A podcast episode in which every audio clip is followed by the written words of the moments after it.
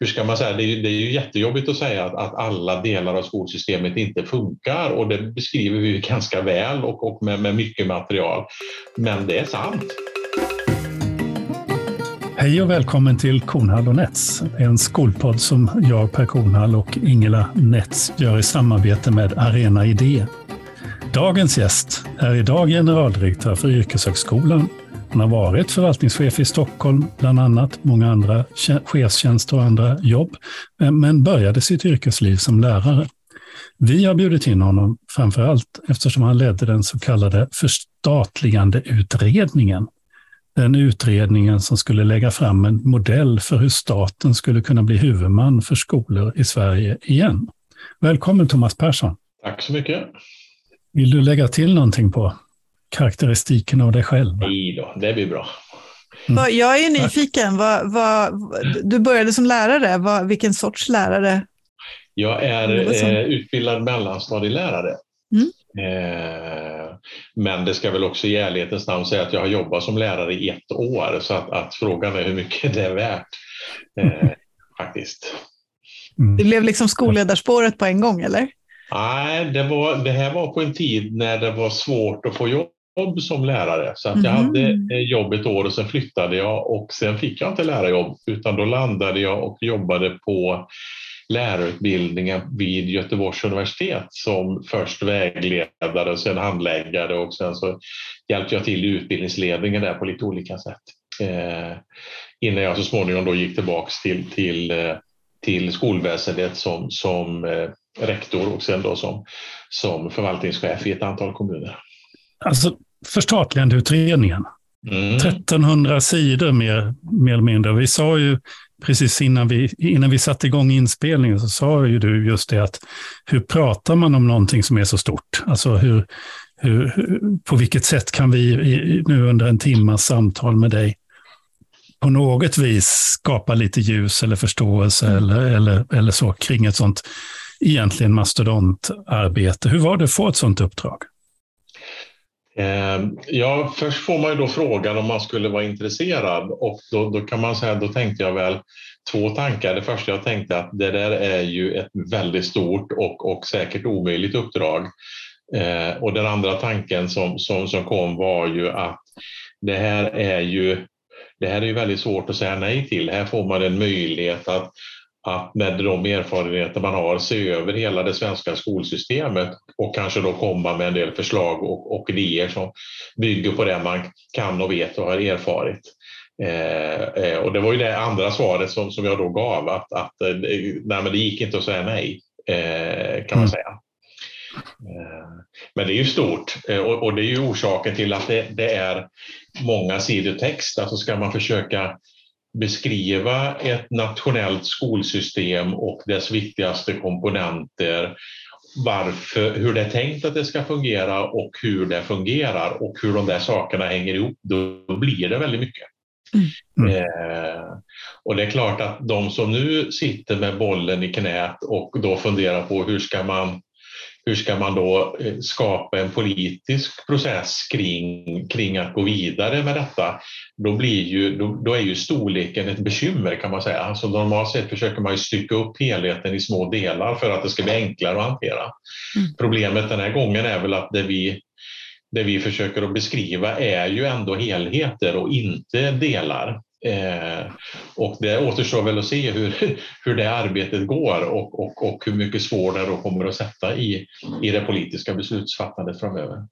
Men det där, är, för det där är ju, tycker jag, bara en första spännande fråga. Sådär. Eh, för du fick uppdraget av den förra regeringen. Så är det. Eh, ja, för ungefär två år sedan. Då. Eller kanske ytterligare lite tid. Eh, men du har lämnat ifrån dig den färdiga utredningen till den regering som tillträdde i, nu i höst. Just det. Eh, som ju har en, en, en annan politisk färg och, och eh, troligen en hel del andra politiska liksom, eh, idéer om hur skolan ska, ska drivas och, och så. Hur, hur känns det? Ja. som, som statlig utredare så känner man nog inte så mycket utan man, man, man, eh, man är, är trogen det uppdrag som man har fått. Och vi fick ju ett uppdrag då i, i december eh, 2020 eh, som ju byggde på överenskommelser i januariavtalet. Och sen kom det tilläggsdirektiv något år senare som då eh, eh, öppnade och gjorde uppdraget ännu bredare. Det första uppdraget var ju väldigt fokuserat då på, på det som Per nämnde i inledningen, nämligen hur skulle man göra ett fullständigt förstatligande? Men sen fick vi också uppdraget att titta på kan man göra kan man göra alternativ och, och liksom, kan man få ut samma effekter när det gäller likvärdighet och kvalitet, attraktivitet och jobba i skolan genom att göra på något annat sätt? Så att, att när man känner så mycket gör man nog inte utan man, man funderar verkligen på de frågeställningar som ställs i, i, i direktiven.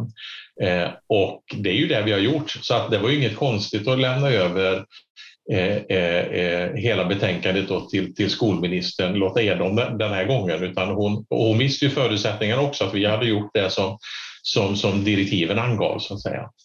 Eh, eh, och sen får man ju se vad som händer då i den politiska beslutsprocessen. Där är jag ju inte involverad på något sätt, utan det är ju, det är ju andra på något sätt. Mm. Och där kom ju, det är också så att uppdraget kom ju in i januariöverenskommelsen eh, mycket på grund av Liberalerna som nu har en skolminister på plats.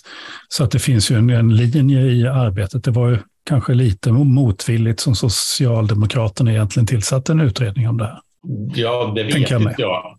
jag. jag det, det, får vara din, din, din tolkning, men jag vet inte. Jag vet ju bara att jag fick en fråga och att, att det fanns ett mm. direktiv så att säga. Eh, och det är ju det jag förhåller mig till. Varför det har kommit fram till blir inte så intressant för mig då. Men går, går det att, liksom, jag, jag, förstår verkligen det här att, att det, det, är naturligtvis oerhört viktigt att man, att man eh, förhåller sig liksom, eh, utan, utan känslor till ett uppdrag som är av den här digniteten så förstås.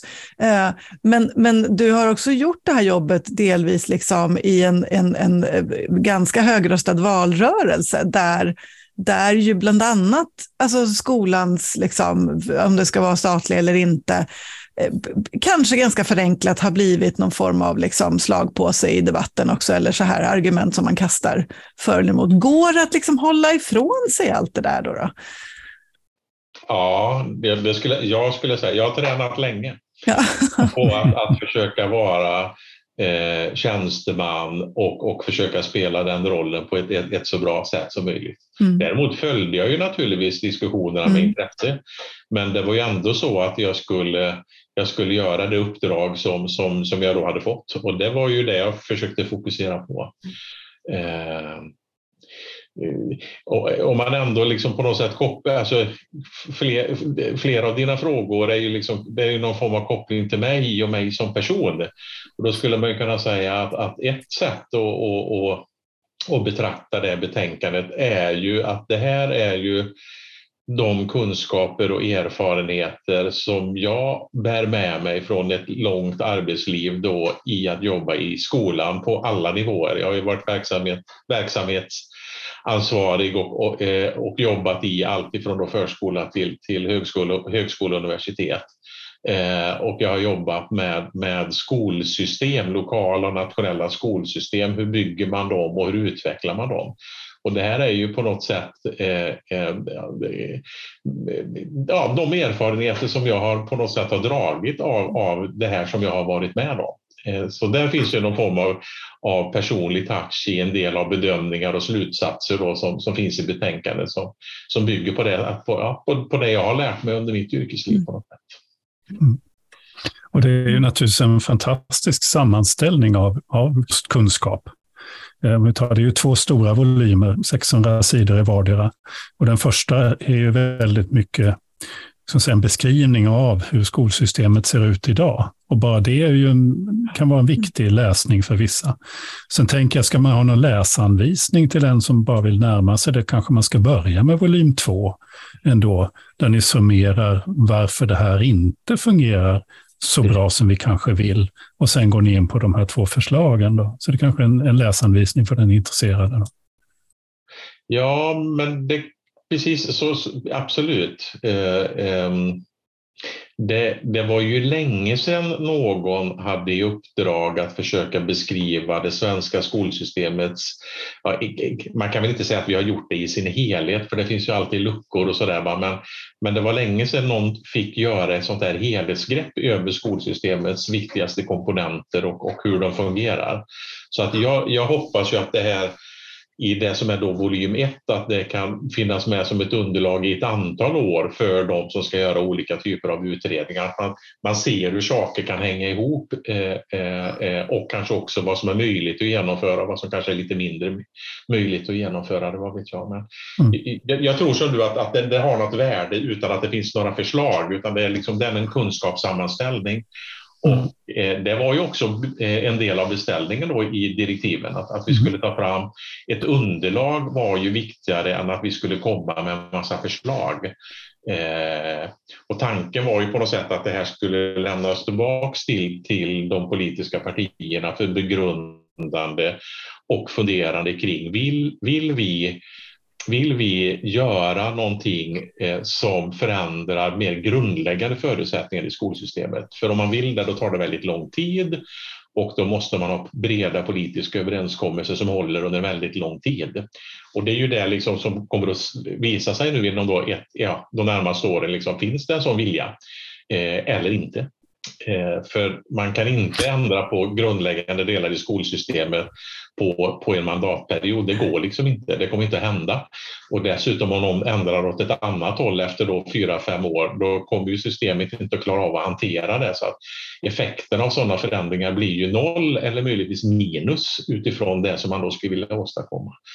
Så att, att det, det, det, är ju det, hur ska man säga, varje gång jag får, får frågor kring, kring betänkandet och, och så, så, så, försöker jag lyfta just det här att, att, eh, att det här är, är, vill man förändra grundläggande långsiktigt, krav på breda politiska överenskommelser och har man inte det, då är det nog bättre att låta bli. Då kanske man ska fortsätta med den strategi man har idag med, med lite mindre reformer som man då lägger på varandra. Men vill man göra någonting rejält som då kan påverka frågor kring skolors resultat, likvärdigheten mellan olika typer av skolor och förutsättningar för olika elever, då, då är det ett mycket mer långsiktigt förändringsarbete som behövs. Eh, eh, ja. En, knepig fråga då är ju att när vi gjorde sådana här reformer, stora reformer sist, så gjorde man ingenting av det. Då gick det hur bra som helst att bara fatta beslut. Men, men, men du tycker då inte att man kan återställa med samma typ av politiska besluts... Nej, alltså, och, nej, verkligen inte. Och det finns ju flera skäl till, till, till, till det. E, ett sånt är ju att man kan ju hävda att syftet med de decentraliseringsreformer som då gjordes i början och mitten på 90-talet var ju att stärka likvärdighet, att öka kvaliteten i skolan och då visar ju faktiskt utfallet att det inte har blivit på det sättet. Mm. Mm. Eh, och det andra var ju att, eh, eh, nu ska vi se om jag hittar den tråden igen. Eh, vad var det som var din fråga? Det var ju eh, varför man inte kan göra det lika fort som man kunde jo, göra innan. Egentligen. Och det, det andra skälet är ju att då flyttade man ju ansvaret från, från Eh, eh, eh, stora delar av skolsystemet, inte allt, men för en del låg ju redan på kommunerna. Det var inte så att det var fullt statligt, men man flyttade över en hel del beslutskapacitet eh, och eh, resursfördelning och annat till, till, till kommunerna. och då fanns det ju då fanns det 290 kommuner som var mottagare. Om du skulle göra förändringen åt andra hållet idag, det vill säga att du skulle då samla in skolverksamhet från 290 kommuner till då en, en, en statlig myndighet så finns ju inte den. Det finns ju ingen struktur så att allting där måste ju liksom byggas ifrån början från att, att bygga varenda konto och kontoplan mm. till varje anställning. Alltså det, det, är en ofantligt stor verksamhet så det kommer att ta tid. Så, så enkelt är det. Mm. Eh, men det var ju också så att de där sakerna som man då gjorde snabbt eh, och med, eh, alltså det var ju en väldigt stark decentraliseringstrend som gällde i hela samhället och väldigt många var ju överens om att det var en bra utveckling att decentralisera i, i skolan. Inte alla, men, men väldigt många. Eh, ja. Och även brett politiskt, så det var en diskussion som hade pågått under hela efterkrigstiden skulle man kunna säga. Men, men när man väl gjorde det så gick det förhållandevis snabbt och det har väl också bidragit då till att, att effekterna, alltså de effekter man ville ha, det, var ju, det, det är inte de som har uppstått eh, trots allt. Nej. Nej. Eh, det, det, man, kommenterade, man kommenterade ju från OECDs håll 1992 just att man frångick ett mer långsamt eh, beslutsfattande, mer systematiskt eh, till ett mer ideologiskt, en väldigt tydlig svängning där. Mm. Jag håller ju med dig.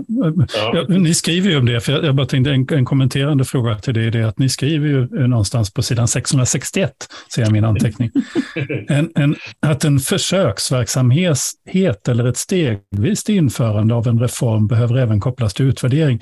Alltså ni skriver att man skulle kunna genomföra det här i, i, i stegvis och koppla då forskning och utvärderingar hela tiden. Och då är vi ju tillbaka på ett sådant beslutsfattande som man ju hade Eh, alltså under förra seklets uppbyggnad av det här skolsystemet. Mm. Har du några idéer om hur, sånt, hur det skulle kunna gå till?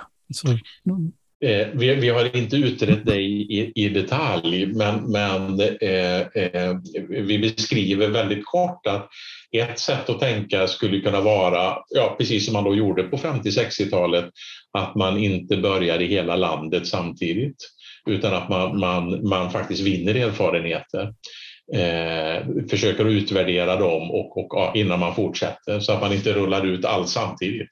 Alltså utrullning av allt samtidigt, då gör det att det är väldigt svårt att bedriva någon form av forskning kring det hela då, mm. eh, eftersom det inte finns några kontrollgrupper. I praktiken skulle det så innebära att man, man valde kanske eh, några huvudmän, antingen geografiskt ungefär på samma plats eller utspridda, och så, så, så gör man liksom en process där de, de övergår i statlig styrning. Ja, så skulle, och så, så följer man, man det. Och, uh. Så skulle man kunna tänka. Ett annat sätt att tänka är att man skulle kunna eh, välja gymnasieskolan före andra skolformer. Gymnasieskolan är ju om man tittar på hur, hur eleverna går i gymnasieskolan idag så skulle man kunna säga att den är ju i allt väsentligt förstatligad. Eh, det är ju en minoritet av eleverna som går i en kommunal gymnasieskola i den egna kommunen utan de flesta går ju då i en fristående skola eller i en kommunal skola i en annan kommun. Eh, så att där har man ju redan, ja, på något sätt har, har ju rörelsen av elever har ju redan på något sätt sprungit förbi den organisation som, som, som finns. Eh, så skulle man också kunna tänka sig att man börjar med, med någon skolform eh, eh, och så.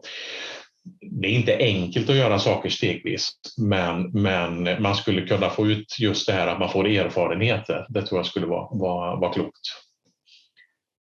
Också bygga system, fast samtidigt kommer man ju ha parallella system då. Ja, men det blir ju så. Det är ju, det är ju nackdelen på något sätt att man måste ha flera system samtidigt. Mm. Och det har man ju, det har man ju alltid förändring, höll jag på att säga. Att, att, eh, att man måste göra de gamla sakerna samtidigt som man börjar med de nya. Frågan är ju mer hur man organiserar det och på vilket sätt då ett sådant arbete leds. För det försöker vi också beskriva att vi tror ju att ska man göra den här typen av, av, av stora styrningsorganisatoriska reformer, då krävs en, en väldigt tajt styrning och ledning av förändringsarbetet i sig. Då kan man inte låta det bara ske, utan då måste man ha koll på det och, och styra vem som gör i vilken ordning och sådana saker. Eh, om inte annat för att man behöver ha kontroll över resurser och kontroll över då de kunskaper och erfarenheter som vinns i en sån process. Mm. En, en sån där stor. Jag ska, jag ska erkänna, sådär, offentligt nu erkänna att jag har inte läst de här 1300 sidorna eh, särskilt noga.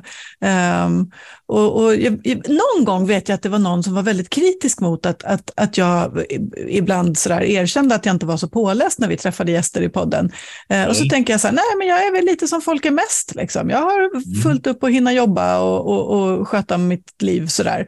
Eh, men jag är extremt nyfiken. Och mm. en av de saker som jag tycker är spännande är ju den här eh, frågan om eh, alltså fristående skolor. Eh, och de offentliga liksom, eh, skolorna som, som drivs av kommunala huvudmän.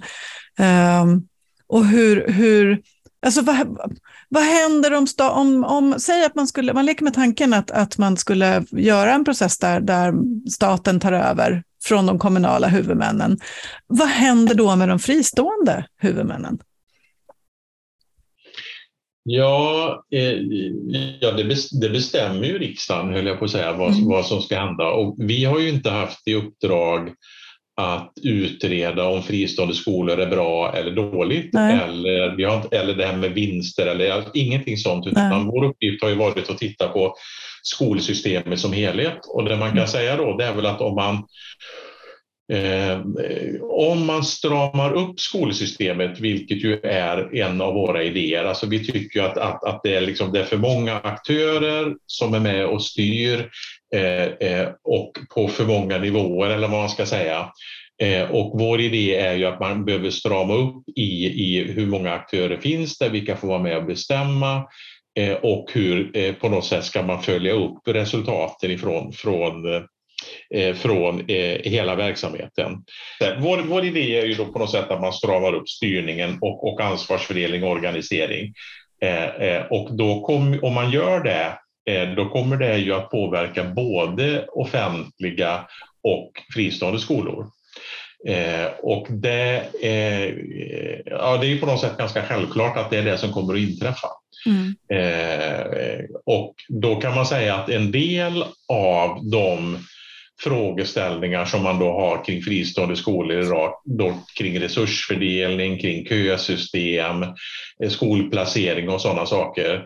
Vi tar ju ett, ett, ett annat tag på det än vad man har gjort i en, i en del tidigare diskussioner och försöker behandla det på ett likvärdigt sätt och, och skapar ett skolsystem som vi då tycker hänger ihop bättre än, än hur det ser ut idag. Eh, och då, då, då, då, blir styrningen stramare och då blir också en del av friutrymmet blir ju mindre för, för, för huvudmännen helt enkelt. När staten då kliver fram, för det är ju en del av, av, av de slutsatser som vi drar, att någon, någon, måste, någon måste kliva fram och ta ett större ansvar kring helheten i skolsystemet. Och då är det till exempel med den ekonomiska styrningen som man kan ja, men, göra den här skillnaden med utbudsansvar och så vidare som, som är frågor som lyfts i debatten mycket. Då. Ja, de, de viktigaste sakerna som vi pekar på är ju då eh, eh resursfördelningen och då handlar det ju om, alltså idag är det ju 290 kommuner som bestämmer hur mycket pengar per elev man ska lägga ner. Och det är ju vi då resonerar om att, att det är ju svårt att få ett sådant system likvärdigt. Och sen så förutom då liksom när det gäller insatser så tittar vi också då på hur man fördelar de här pengarna på olika skolor och olika elever. Där vi då försöker ta ett tag så att det blir mer likvärdigt över hela landet. Men sen tittar vi också på hur, hur kompetensen, framförallt lärarkompetensen då varierar väldigt mycket mellan olika typer av skolor och över landet. Eh, vi tittar också på det vi kallar för kapaciteten i lokala skolsystem eller i skolförvaltningar och fristående eh, eh eller enskilda huvudmän där vi ju ser när vi tittar på olika typer av uppföljningsdata att, att eh, eh olika huvudmäns förmåga att driva skola eh, är ju väldigt varierande. Och där vi då menar att, att om man om man ska ha ett skolsystem med väldigt många huvudmän som ser väldigt olika ut, då måste staten faktiskt kompensera så att styrningen, alltså både liksom vad som händer efteråt men också uppföljning och utvecklingsarbete måste, måste faktiskt staten ta ett större ansvar för. Ganska handfast beskriver vi ju det också. Eh, det tycker vi på något sätt att, att frivilligheten och, och eh, eh, eh friutrymmet blir alldeles för stort. Alltså det funkar om alla alla har en erforderlig kapacitet. Men om det sviktar, då måste man, då måste man styra på ett annat sätt. Så att, att vi vill liksom inte hur ska man säga, det är, det är ju jättejobbigt att säga att, att, alla delar av skolsystemet inte funkar och det beskriver vi ganska väl och, och med, med mycket material. Men det är sant. Och mm. om det är så, då kan man inte låta det vara så pass lösligt som det är idag, utan då behövs det stramare styrning och mer uppfordrande styrning eh, för att, att eh, i slutändan eleverna ska få en likvärdig skolgång. Eh, och på något sätt ska man väl tala en spade en spade, tycker jag. Ja, men det är så. Och det finns ju sådana saker som jag tycker är otroligt bra i utredningen. Bara, bara det att ni gör den här bilden tydlig. Jag fastnade för där ni, där ni skriver att den största huvudmannen i svensk skola idag har 5 400 heltidstjänster, rektorer och lärare, medan den minsta huvudmannen har drygt en. Och så har vi då samma ansvar, eh, systemansvar som ligger på en organisation med en person som för en med 5400 personer. Och det, någonstans där finns det ju någonting som, som skaver riktigt rejält skulle jag säga. I, i, ja. Eh, men ni lägger ju två förslag, så, så tänker jag bara, så för den som lyssnar som inte har läst så mycket. Det är två förslag. Det ena är ju ett ett fullständigt övertagande av då alla tjänster i skolan och vad jag förstår också lokalerna för det offentliga skolsystemet, inte de fristående, för de kommer ju då vara, vara en annan. Men då är det ett helt förstatligande, ett mycket djupare förstatligande än det vi hade Eh, det som vi kallar den statliga skolan, för den var ju inte statlig på det sättet. Precis. Eh, så det här är ju ett mer förstatligat system. Ja. Och sen har ni ett annat, så att säga, light-version då, där staten kliver in med, med mera styrning över skolval till exempel, över resursfördelning och, och sådana saker. Men huvudmannaskapet är, är orört. Då.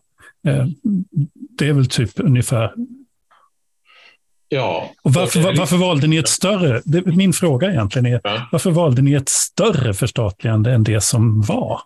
Jo, för det framgick av direktiven till, alltså ursprungsdirektiven till utredningen att, att, att eh, man ville då med grund i de överenskommelser som var gjorda i januariavtalet, man ville ha en utredning som pekar på att om man skulle förstatliga skolan helt och hållet, hur skulle det kunna se ut och hur skulle det då kunna gå till? Så vi har ju inte tagit ställning till om det är en bra idé eller inte, utan vi har försökt att beskriva hur det skulle kunna genomföras och vilka beslut som, som då eh, kommuner och, och staten skulle behöva fatta för att det ska, ska kunna vara möjligt. Och vi har beskrivit alla konsekvenser, både positiva och negativa. Och så. Eh, så det är skälet. Och skälet till det här, eh, det du kallar för light-förslaget, alltså där staten då tar ett, ett, ett mycket starkare tag om styrningen av skolan, eh, eh, det är ju också en följd av då tilläggsdirektiven skulle man kunna säga. Så att det, det, är grunden till att vi försöker då beskriva två möjliga långsiktiga utvecklingslinjer då för, för, för den svenska skolan. Som då i grunden handlar om Eh, eh, förutsättningarna för, för eh, hög kvalitet, likvärdighet, bra resultat men också attraktivitet att jobba i skolan. Och vårt fokus har ju varit på, det kanske är viktigt att säga också, det borde jag kanske ha gjort i början, vårt fokus har ju varit på skolsystemet. Alltså vi har ju inte tittat på mötet mellan lärare och elev. Vi har inte tittat på hur rektorer jobbar med sina lärare. Vi har inte tittat på hur man på, på lokal nivå jobbar med skolchef och skolledare och så, utan vi har försökt att titta på hur, hur bygger man ett nationellt skolsystem? Vad är det för komponenter som är viktiga i det och hur hänger de ihop? Och om man då viktar dem på olika sätt. Vad får man då för typ av utfall när det gäller till exempel likvärdighet?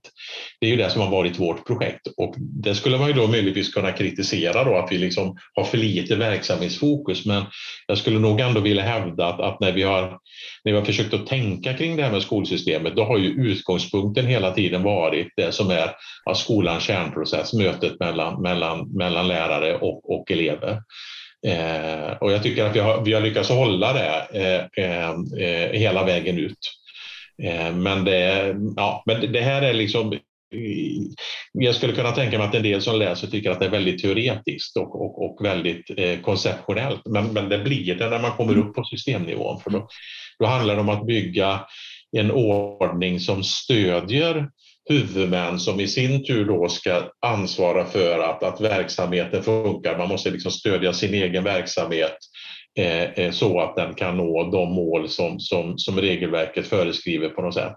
Så att, att det, ja, det, det, det, blir lite teoretiskt, det blir ju det. Men det, det blir modeller på något sätt som man får, får, får, eh, får jobba med. Men utgångspunkten på något sätt är ju ändå hur ska det bli bra, bli bra längst ut i eller längst fram eller längst upp eller vad man ska säga i ett skolsystem, nämligen när, när elever och lärare möts. Mm. När det gäller det så har jag en fråga till just lärare. Ni skriver en del om lärares kompetensutveckling och behovet av ett statligt ansvar. Och vi har ju flera sådana här väldigt fylliga och kunskapsrika utredningar som ligger på eh, de senaste åren som har kommit, jag menar om professionsprogrammet och Björn Åstrands utredningar och så. Eh, och det, det är spännande. Men en sak som jag saknar i det är ett resonemang kring hur löner sätts för lärare i Sverige. Eh, och jag har sökt efter det i det här materialet. Anledningen till att jag ställer frågan är att jag har tittat på hur det ser ut i andra OECD-länder. Mm. Och kan se att, att vi kanske med, kanske England också kan karaktäriseras som ett, har ett något sådär liknande, eller oliknande system som oss, alltså en väldigt individuell lönesättning. Annars så finns det ju inte, det finns ju inte individuell lönesättning, lokalt satta löner någonstans i OECD, utan alla har ju någon typ av kollegial struktur. Antingen så tjänsteår är den vanligaste löneöknings löneökningsgrejen, så att säga, skälet till en löneökning. Man kan också ha olika kriteriesystem och sånt. Där finns det ju delar av professionsprogrammet som man skulle kunna koppla nu. Det är ett förslag som ligger i Eh, som skulle kunna kopplas till lönestegar och sånt.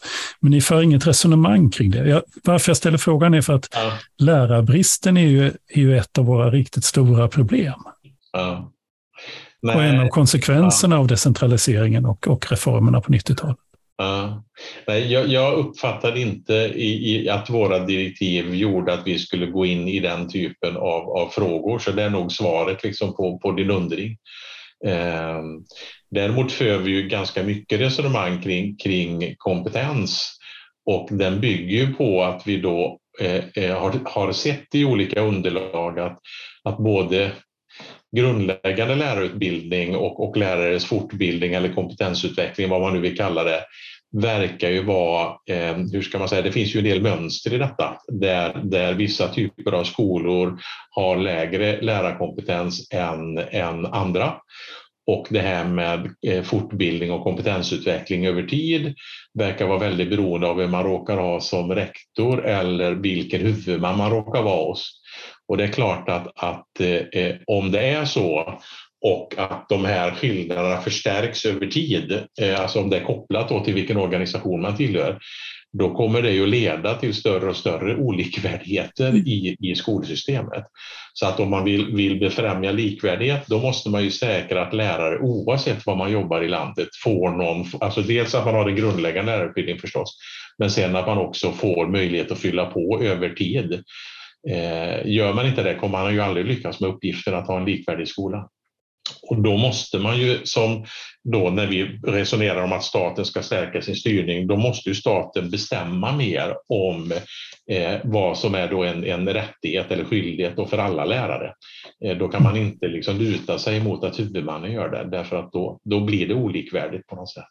Mm. Eh, men, men lönesättningen är ju ändå en ganska central del av en arbetsgivarverksamhet. Ja, eh, alltså, Alltså löneutbetalningarna. Är ju så, ja. så att säga, tar staten över ansvaret för eh, all personal så finns det väl någonting i det som har Ja. Så är det, men, men det är också alltså, skälet till att jag liksom tolkar det som att det inte ingick i, i, i direktiven är ju att lönefrågan är ju en överenskommelse mellan en arbetsgivarpart och en arbetstagarpart. Eh, och där ju politiken normalt sett inte går in och fattar olika typer av inriktningsbeslut. Det är ju liksom en del av, av det man kallar för den svenska modellen. Eh, och därför har ju inte vi heller gått in i den typen av diskussion. Men det är klart att, att eh, eh, oavsett vad, eller ja, om man ändrar på arbetsgivarskapet i skolan, då kommer det naturligtvis också att starta nya sådana diskussioner om, om lönebildningen till exempel. Eh, det kanske det gör. Jag, tänker, jag tänker just, just lärarna så har ju staten frångått hela den modellen i och med att man betalar ut pengar till första lärartjänst, till karriärtjänsterna. Så att där har man ju någon mening redan klivit förbi den eh, spärren. Och i det här fallet skulle ju staten bli arbetsgivaren då och kunna göra den typen av satsningar utan eh, med, så att säga, när, när den vill det, utan att vara beroende av välviljan utav hos huvudmännen. Då. Så, så, ja, det är spännande, spännande frågor tycker jag. Mm. Precis. Men en aspekt av det du tar upp, det är ju, och, och där, där resonerar vi ganska mycket, och det är ju det här med riktade statsbidrag, det vill säga att man, man försöker från staten styra utöver då med de, de vanliga pengaströmmarna och med det regelverk som finns, både ja, ekonomiskt, juridiskt och med, med, med lärarutbildning och sånt där, så försöker man styra, styra med riktade statsbidrag. Och där är ju vår, och vi är ju inte ensamma om det, där är ju vår bild att det är oftast en ganska dåligt sätt mm. att styra. Att det hade funkat mycket bättre om pengarna hade funnits tillgängliga i systemet med ett tydligt regelverk. Eh, vi argumenterar ju för att man ska eh, kraftigt minska de riktade statsbidragen.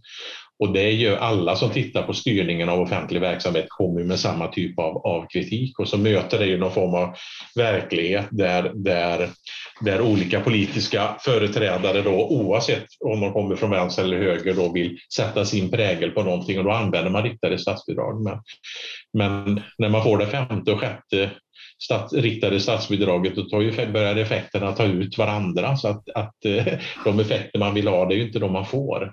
Eh, mm. Så att det där är ju en, en, en styrning som, som, som har dålig effekt helt mm. enkelt.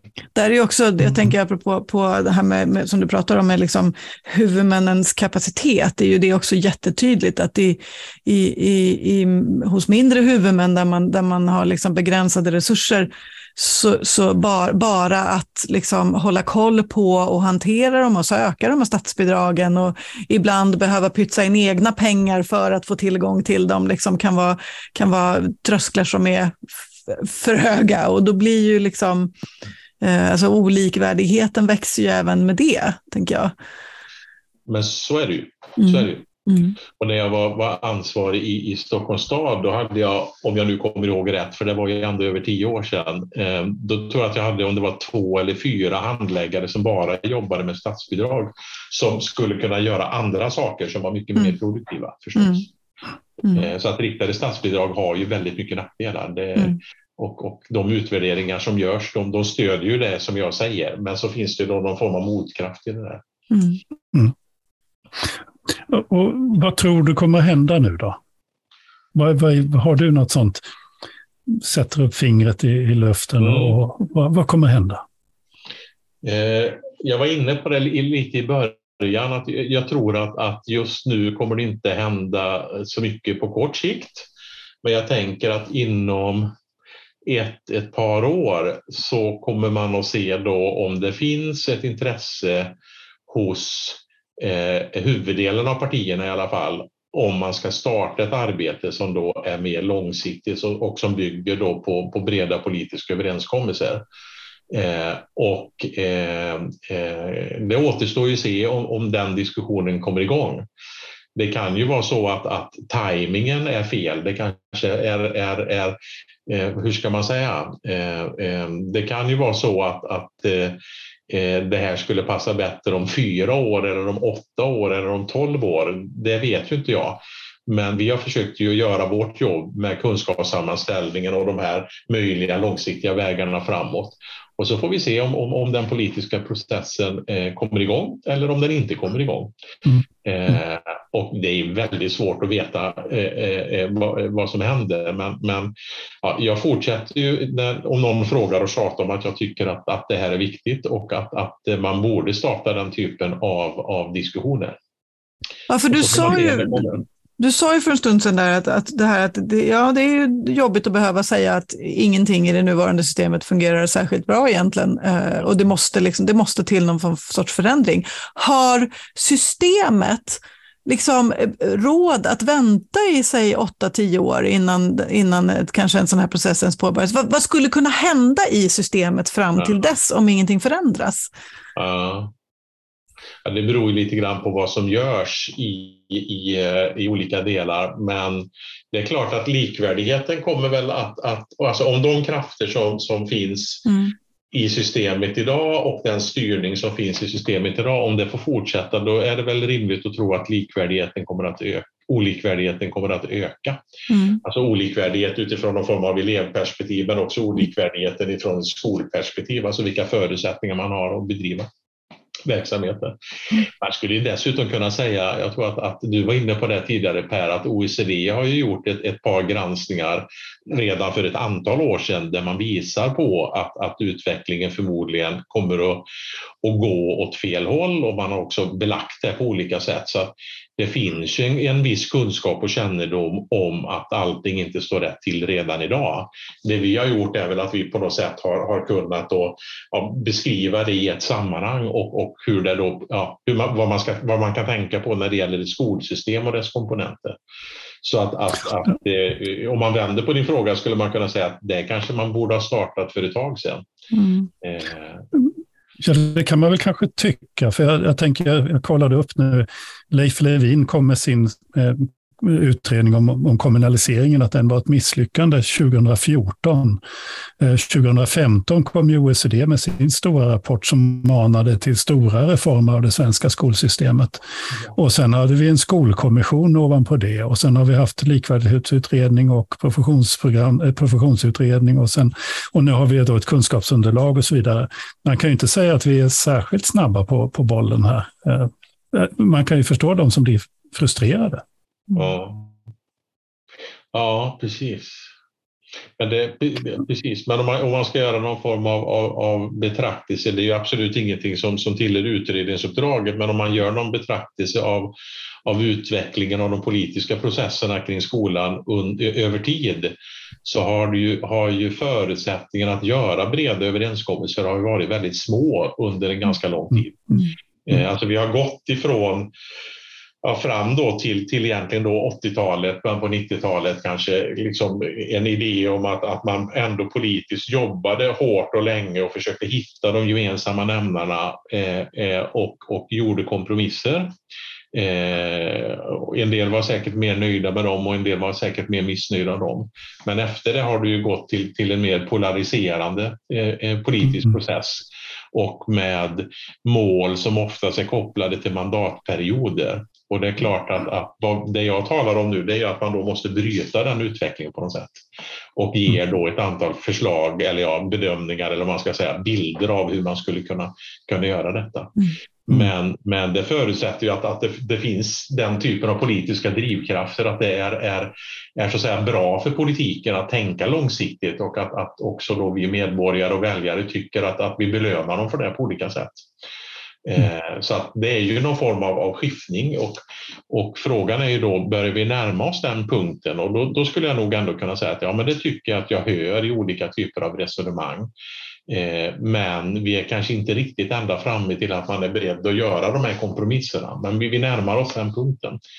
Eh, mm. det kanske är en förhoppning snarare än, än någon form av av eh, korrekt analys. Men un, ungefär så är, är mm. min bild att, att vi ändå rör oss mot den punkten när långsiktighet ändå kommer att uppfattas som något positivt och är någonting som mer belönas än vad det har varit nu under, under några decennier. Mm. mm.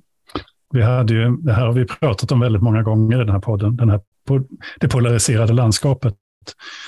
Förra Förra samtalet hade vi med en statssekreterare från Finland som ju beskrev väldigt tydligt hur man till exempel hade lagt kursplaneutveckling och sånt borta ifrån politiken. Alltså man hade väldigt medvetet sett till att det inte var politiska beslut vad man skulle undervisa i skolan.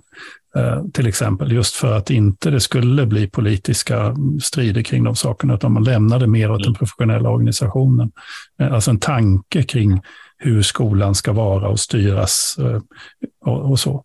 Och det vore ju väldigt spännande om vi kunde ha en sån mer bred diskussion, för det var ju ändå det som byggde det här skolsystemet en gång i tiden, ja. var det ju den typen av väldigt, faktiskt ja. ganska breda koalitioner. Eh, men som du säger, det var ju där i 80-talet och 90-talet så började det brytas upp den, den ja, kulturen. När, när, Sverige började springa iväg på 80-90-talet och sen framåt, då behöll ju Finland liksom grundprincipen att, att, att skola utbildning är långsiktiga processer och vi behöver anpassa liksom de politiska beslutsprocesserna till det. Och det har ju de faktiskt behållit över tid. Jag har ju jobbat med finsvenskt samarbete i, i 30 år eller något sånt där och följt det hela och, och sett då hur skillnaderna på något sätt har ökat och sen nu så kanske det är så att de börjar minska igen. Men, men de har ju varit mer måttliga kan man säga i reformerandet och, och de, de har haft mer tid på sig och, och inte gjort alla, prövat alla saker som vi har prövat utan de har hoppat över en och annan också. Mm. Eh, helt olika sätt att förhålla sig till. Mm. Så det, det, vill jag gärna förstärka den bilden som du ger. Jag, jag var på en, eh, en konferens för ett par veckor sedan eh, som, som var väldigt fokuserad på liksom ett, ett, ett, ett samtal mellan olika aktörer, mellan forskare och lärare och, och, och liksom makthavare i skolan. Sådär. Um, och att det är liksom, eh, en, alla var överens om att det är väldigt viktigt um, att, att professionen liksom får äga de här samtalen. Men, men en fråga som jag ständigt återkommer till är någonstans att, att ponera att, att, att man också från politiskt håll skulle liksom gå den vägen och säga att vi lämnar över de här frågorna till professionen i större utsträckning än vad vi har, har gjort tidigare. Men blir inte det då som att vi liksom ska försöka förgäves banka ner en rund kloss i ett fyrkantigt hål så länge systemet så länge man liksom inte tar i de här stora frågorna om systemet. Därför att det blir ju att hela tiden arbeta mot ett system som, som inte riktigt är byggt för att, för att underlätta för professionen eh, mm. och för liksom skolans uppdrag. Det där, ja, det där är jättekomplicerat, men jag tycker att tänker jag. Men du, ja, du har definitivt en poäng i att vi har från 90-talet och framåt flera gånger försökt att genomföra reformer som ger professionerna ett större mm. inflytande över det vardagliga arbetet. Mm. Men det har inte inträffat, Nej. utan det är andra saker som har inträffat. Mm. Och av det skulle man ju då möjligtvis kunna dra den slutsatsen som du gör då, att, att det verkar finnas saker då i systemet som motverkar detta. Eh, eh, och det finns, jag, jag, tror att det är så och jag tror att, att det här som vi är inne på kring resursfördelning, eh, eh, eh vem som bestämmer kring lärares kompetensutveckling, kapaciteten hos de som ska bedriva, eh, eller kapaciteten hos huvudmännen som ska på något sätt ansvara för utbildningens bedrivande. Där finns det komponenter som, som ändå håller emot där. Eh, men det är väldigt svårt liksom att, att, peka exakt på vad som är orsak och verkan. Och eftersom vi då har haft så många reformer i Sverige under då, eh, de här senaste decennierna så är det väldigt svårt att veta vad är, vad är det som ger den ena eller den andra effekten. Alltså vi, vi har varit så oerhört glada i att göra eh, förändringar som, som, som läggs på varandra. Det skulle ju möjligtvis vara ett argument för att man, man nu tar ett större tag också, att, att fler och fler ser att nu har vi lagt reform på reform på reform på reform och att nu är det väldigt svårt att, åtminstone tyckte vi det i vår utredning, det är, väl, det är svårt att se hur allting hänger ihop och hur eh, Alltså man ser också saker som verkar emot varandra, till exempel då det här som vi, vi pratar om nu. Mm. Eh, det skulle kunna vara ett skäl till att, det, att man vill ta någon form av omtag, men det kanske är för revolutionärt att tänka så. Man kanske måste tänka mer evolutionärt. Jag tycker att det där är jättesvårt också. För på något sätt om man vill göra, om man vill göra stora förändringar då, och, och starta stora förändringsprocesser i en organisation av liksom ett svenskt skolsystem, av storleken av ett svenskt skolsystem, då finns ju, alltså om man öppnar för mycket och, och vill förändra för mycket, då finns ju också stora risker att, att de där förändringarna går fel. Eh, alltså om man släpper loss 250 000 personer att göra saker, då finns det faktiskt risk för att en del saker inte blir så bra. Och det finns faktiskt risk för att en del stora saker inte blir så bra heller. Eh, så att, att det där med att förändra skolsystemet, man måste också tänka sig att, att, att det måste finnas någon stabilitet över tid. Man får inte, det liksom, förändringen får inte bli för stor, tänker jag. Ja, det var ett jädra flummigt resonemang kanske, men ja, ni förstår säkert vad jag menar. Mm. Eh, för det, är, det, är ju, det skulle man kunna säga är ett, ett, ett, eh, ett, argument emot ett fullständigt förstatligande. Alltså att man på något sätt skulle flytta 250 000 personer från en kommunal arena då till en statlig arena. Eh, för då är det klart att, att eh, om man gör det, då kan ju väldigt mycket saker hända under den resan. I, i, ur många, väldigt många olika aspekter. Mm. Eh, Bara det tänker jag att du skriver någonstans, jag tror att det var i, i den artikeln som var i DN i, i november om, om när utredningen eh, lämnades över, eh, att ungefär en tredjedel av en liksom, kommuns verksamhet skulle försvinna så att säga. Så är det, dess, så är det dessutom. Eh, alla kommuner skulle förlora i princip en tredjedel av sin, sin årsbudget. Mm. Eh, plus, vilket, gör, vilket skulle vara en väldigt stor förändring. Och sen att staten skulle ta emot alla de pengarna och alla de människorna är ju också en väldigt stor mm. förändring. Mm. Det skulle bli den absolut största utan jämförelse verksamheten i den statliga sektorn. Så, och, och, och den beredskapen finns ju inte på samma sätt där. Liksom, så att, det är en väldigt stor förändring, det måste man ha klart för sig. Och det, jag ska inte säga att den är omöjlig, men den är väldigt stor och det finns en del risker i den eh, när man väl startar, att man faktiskt inte landar på det stället som man hade tänkt sig. Eh, ungefär som det blev med kommunaliseringen. ja, mm. Samtidigt, samtidigt som jag skulle kunna tycka att jag som lärare och också som i allra högsta grad skulle jag tänka mig att en rektor skulle tänka så att det vore himla enkelt, skönt att slippa det här mellanlagret. Mm. Alltså att ha, vi, har, vi pratar ju alla rektorsutbildningar om, om det, det, liksom den dubbla styrningen av stat och kommun och så vidare. Det är klart att det vore väldigt mycket enklare om det var samma styrning. Mm. Att jag som, som, som lärare då, och som rektor får ett enklare uppdrag. Mm. Så, så att jag hade funderat. Vad, vad, vad tänker du vad, om du kliver ut i så att säga, utredarrollen? För det är du ju inte mm. längre. Nej. Men sen är du ju fortfarande myndighetschef, så du kanske inte vill vara jättepolitisk. Men, men, men vad skulle du själv vilja önska? Vilket av de här två förslagen, eller är det något annat förslag egentligen? För du, nu har ju du sysslat med, grävt i det här, tänkt på det här, pratat med det här med så många människor. Vilken, vilket vore ditt drömscenario framöver? Nej, men jag har, jag har inget sånt. Alltså, eh, då skulle man nog behöva fundera några år till.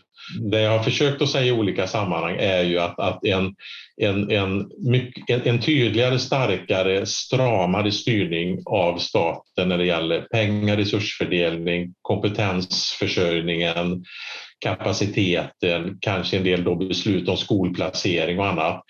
Det skulle, det skulle få ganska stora effekter i skolsystemet om man pratar om likvärdighet, kvalitet, resultat. Eh, eh, om man dessutom skulle då lägga till att man ändrar huvudmannaskapet, då skulle du få lite sådana effekter till, men inte jättemycket sådana effekter. Så att, att eh, eh, eh, det är inte något scenario, men liksom någon rimlighet skulle väl vara möjligtvis att man började i den stramare styrningen och följde det och så vad leder det till för effekter och behöver man sedan ta ytterligare steg? Eller är det så att man kan bygga bort en del av de problem som, som finns idag och som även lärare och skolledare uppfattar genom att man gör förändringar i styrning, ansvarsfördelning och sådana saker. Mm. Den, den vägen skulle man väl kunna säga. Och jag, jag skulle nog hålla med dig, men jag skulle vilja kasta in lärarnas arbets, alltså, arbetstidsavtal och, och lönesättning i det för att få en mm. ordning på, på läraryrket. För jag tror att vi mm. behöver rädda läraryrket. Går man tillbaka till de här tidiga 1946 års skolkommission och sånt och vad de skriver om läraryrket så är det ju, är det ju en väldigt tydlig vision de har om hur skolarbete vad det bygger på. Mm. Och, att man, så, och den biten har vi liksom tappat bort. Vad läraryrket är och vad en lärare är och hur man blir stolt över att vara lärare och sådana saker. Skulle mm. behövas byggas in i systemet på, något, på ett systematiskt sätt. Mm. Uh, ja. Men om man, om man gör någon form av, av eh, jag tänker att vi kanske närmar oss en avslutning också, om man mm. ändå gör någon form av över, någon form av övergång till det jag håller på med idag då är jag ju på något sätt ansvarig för ett annat skolsystem som heter då yrkeshögskolan.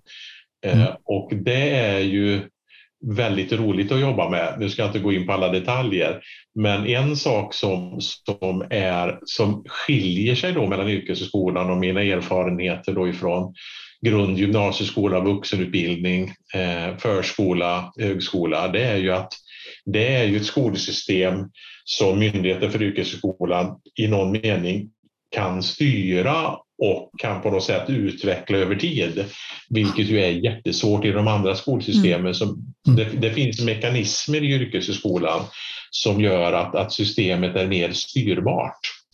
Mm. Och så kan jag tänka lite grann när jag höll på med utredningen. Mm. Vad, vad, skulle man kunna göra så att, att liksom styrningen av grundskolan eller gymnasieskolan gjorde att det var mer möjligt att, att styra och faktiskt visa att man kan ta mm. steg att man kan göra, pröva saker i någon del av landet och sen ja, vinna erfarenheter för att då kunna, kunna fortsätta någon annanstans.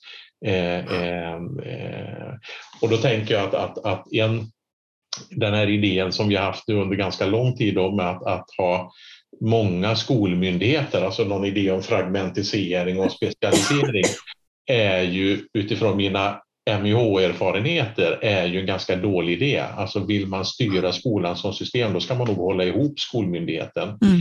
Man behöver en stor stark aktör om man ska kunna styra Stockholms stad eller de största friskolekoncernerna. Då kan, man mm. inte, mm. då kan det inte vara olika myndigheter som, mm. som över tid faktiskt kommer att säga lite olika saker. Eh, ja, det var någon form av ändå koppling till mm. Nej, det... erfarenheter från MIH. Ja, nej, men det är ju mm. grundläggande för, för så också ett ansvar, en känsla av ansvarstagande.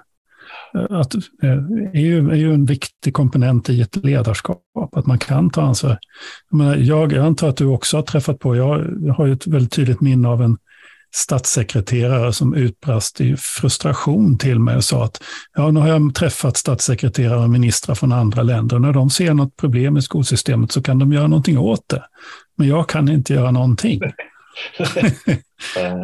Därför att ansvaret, man kan skriva en lag eller man kan skicka ut ett statsbidrag, men, men, men man kan inte, sätt säga, man har inte ansvaret, man har ingen mm. möjlighet att styra direkt ner i verksamheten, för det är någon annan som gör mm. flera ledningar där. Mm.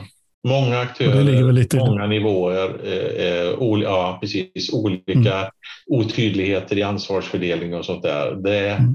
Vi har blivit väldigt bra på lokal anpassning och, och, och decentralisering i det svenska skolsystemet, det kan man ju säga. Mm. Men det har skett till ett pris mm. som då handlar om det här med likvärdighet, resultat och kvalitet på, på helhet. Ja. Mm.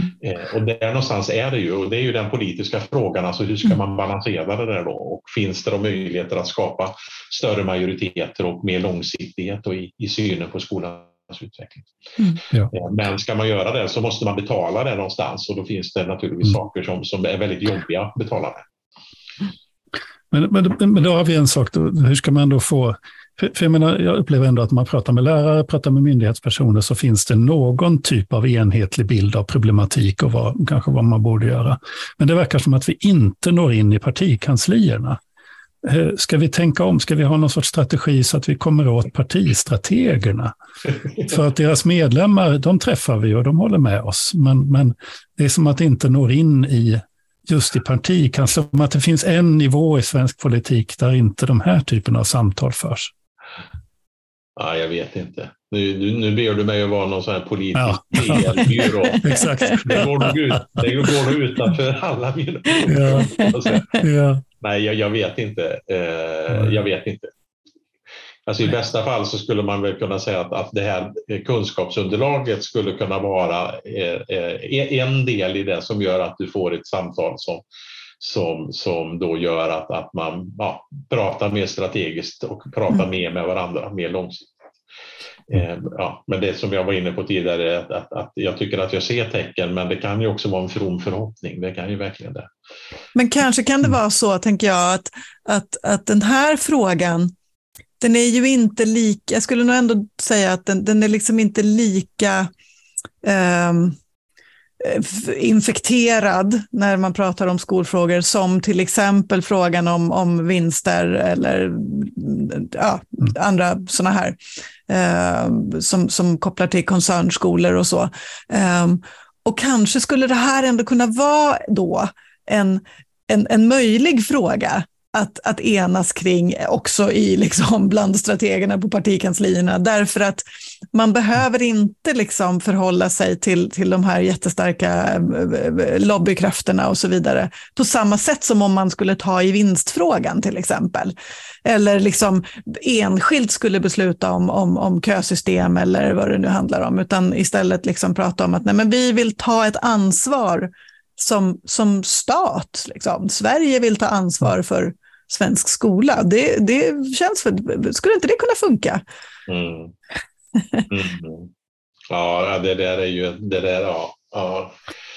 Det, det, är svårt att spekulera om, om det där med politiska processer, mm. men, men, men, ett sätt att börja skulle väl ändå kunna vara kring, kring eh, finansiering och resursfördelning. Mm. Alltså, finns det möjligheter att göra överenskommelser på det området, då kan man då koppla på skolplacering, kompetensförsörjning, mm. det här med kapaciteten i systemet så att alla liksom kan hålla en viss nivå. Eh, liksom där tänker jag, kan man, kan man rita någon karta på ett område, alltså det är inte så ofta man diskuterar skolsystem så att det kanske finns en del öppningar just när man kommer till systemfrågorna. Och inte att det blir för, för detaljerat och konkret utan, utan, utan mer kring ansvarsfördelning. Vilka aktörer ska finnas? Hur ska rollerna se ut? Hur ska ansvarsfördelningen se ut? Hur ska mm. pengarna mm. fördelas? Mm. Det kanske är där man ska, ska börja och se, går det? Mm. Men det vet jag inte. Men jag, skulle, jag tycker ändå att det, det är sådana tecken som jag ser ändå i skyn att den typen av diskussioner ändå påbörjas. Mm. Eftersom man då på sätt ser orimligheten i hur det ser ut mm. de facto idag. Mm. Mm. Ja, men jag håller med dig om det. Jag håller med. Vi måste nästan sätta punkt mm. där. Och vi kan väl säga att, att ditt bidrag, eller ert bidrag, Thomas Persson med teamet som har, har um, gjort alla de här, eller jobbat i två års tid med att, att, att verkligen gräva och belysa och, och fundera kring de här frågorna, är ju precis som, vi var, som vi, du inledde med också, att, att hoppas att det verkligen blir en kunskapsbas som beslutsfattarna använder sig av för att, att ta steg i någon riktning, för att det håller inte att stå kvar där vi är idag. Liksom.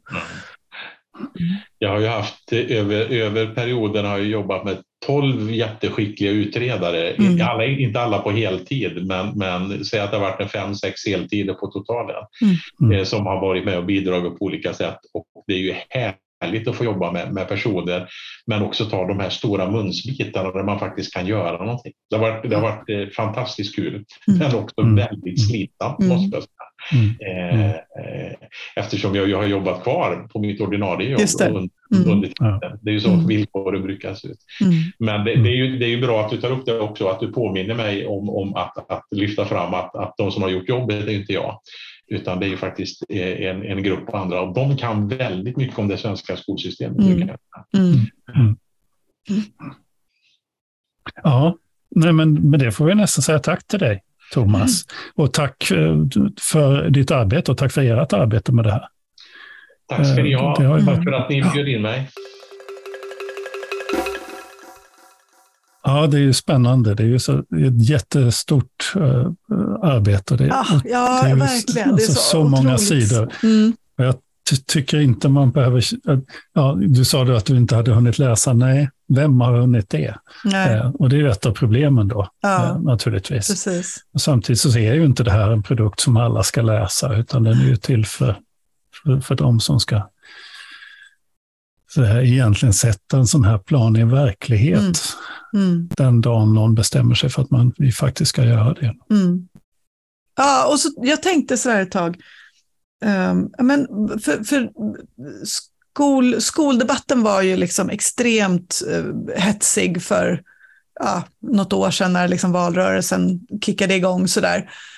Um, och nu är, ju, är det ju andra frågor som är, som är de här riktiga, liksom, eh, som man, som man eh, säga, använder som slagträn i debatten. Ehm, det är energifrågor och det är mm, kanske lite miljöfrågor, men, men framförallt energi och, och, och lite annat sådär. Ehm, och alltså, kanske kan det ändå vara, kanske kan det vara en öppning, att skolfrågan inte är så liksom het, utan att det går för de här människorna som, som jobbar på, på någon sorts strategisk nivå politiskt, ändå kan liksom börja skicka ut trevare kring mm. att, att mötas. Och jag tror att det är lite grann som du sa, just den här frågan, mm. där finns det en mycket större eh, det var också som, som, som Thomas hade uppfattat, det mm. finns ett större eh, mottaglighet för mm. tankar om mm att, alltså tanken på att förstatliga på något sätt, alltså mm. att staten ska kliva ja. in kring det här, ja. det har en väldigt bred, alltså väldigt bred förankring mm. faktiskt i väldigt många mm. partier. Mm. Så fort vi inte lyfter in friskolefrågan Nej, eller vinstfrågan precis. som du sa, Exakt. för, för då, då liksom blir det, ja, då blir det jättekonstigt. Ja, då blir det igen. så mycket ideologi Men, i det på ett annat sätt. Ja, exakt. Mm. exakt. Mm. Så att där, där, det är ju hoppet då. Eh, eh för den här utredningen. Mm. Tack Sveriges sen, politiker sen för att vi får, en, får det här som julklapp, att ni faktiskt ja. tar det här på allvar nu och börjar diskutera ja, det, styrnings, ja.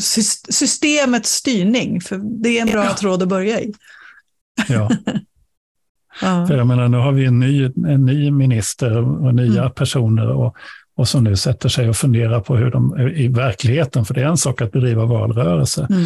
och sen så hamnar du på departementet och ska mm. bestämma vem som ska göra vad varje mm. dag. Mm. Vem som ska utreda liksom, mm. vilka trådar man ska mm. dra i och, och, vad man ska genomföra egentligen. Så låt oss hoppas att inte det här arbetet som då grundlades, låt oss hoppas att det är längre linjer i den svenska skolpolitiken än, än det mandatperioder så att vi tar tillvara den här kunskapen och samlas faktiskt kring det som jag tror att många kan samlas kring i, mm. i eh, som står i den här utredningen. Mm. Mm. Och få bred samförstånd. Mm. Man kan alltid hoppas så här i, i jultid. Om Exakt, att jag tänker det. Vi har lite bjällerklang. Ja, vi tänder några små hoppets stjärnor ja, här. ja, det ja. klingar så vackert. Ja. ja, ska vi säga tack med det? Det gör vi. Ja.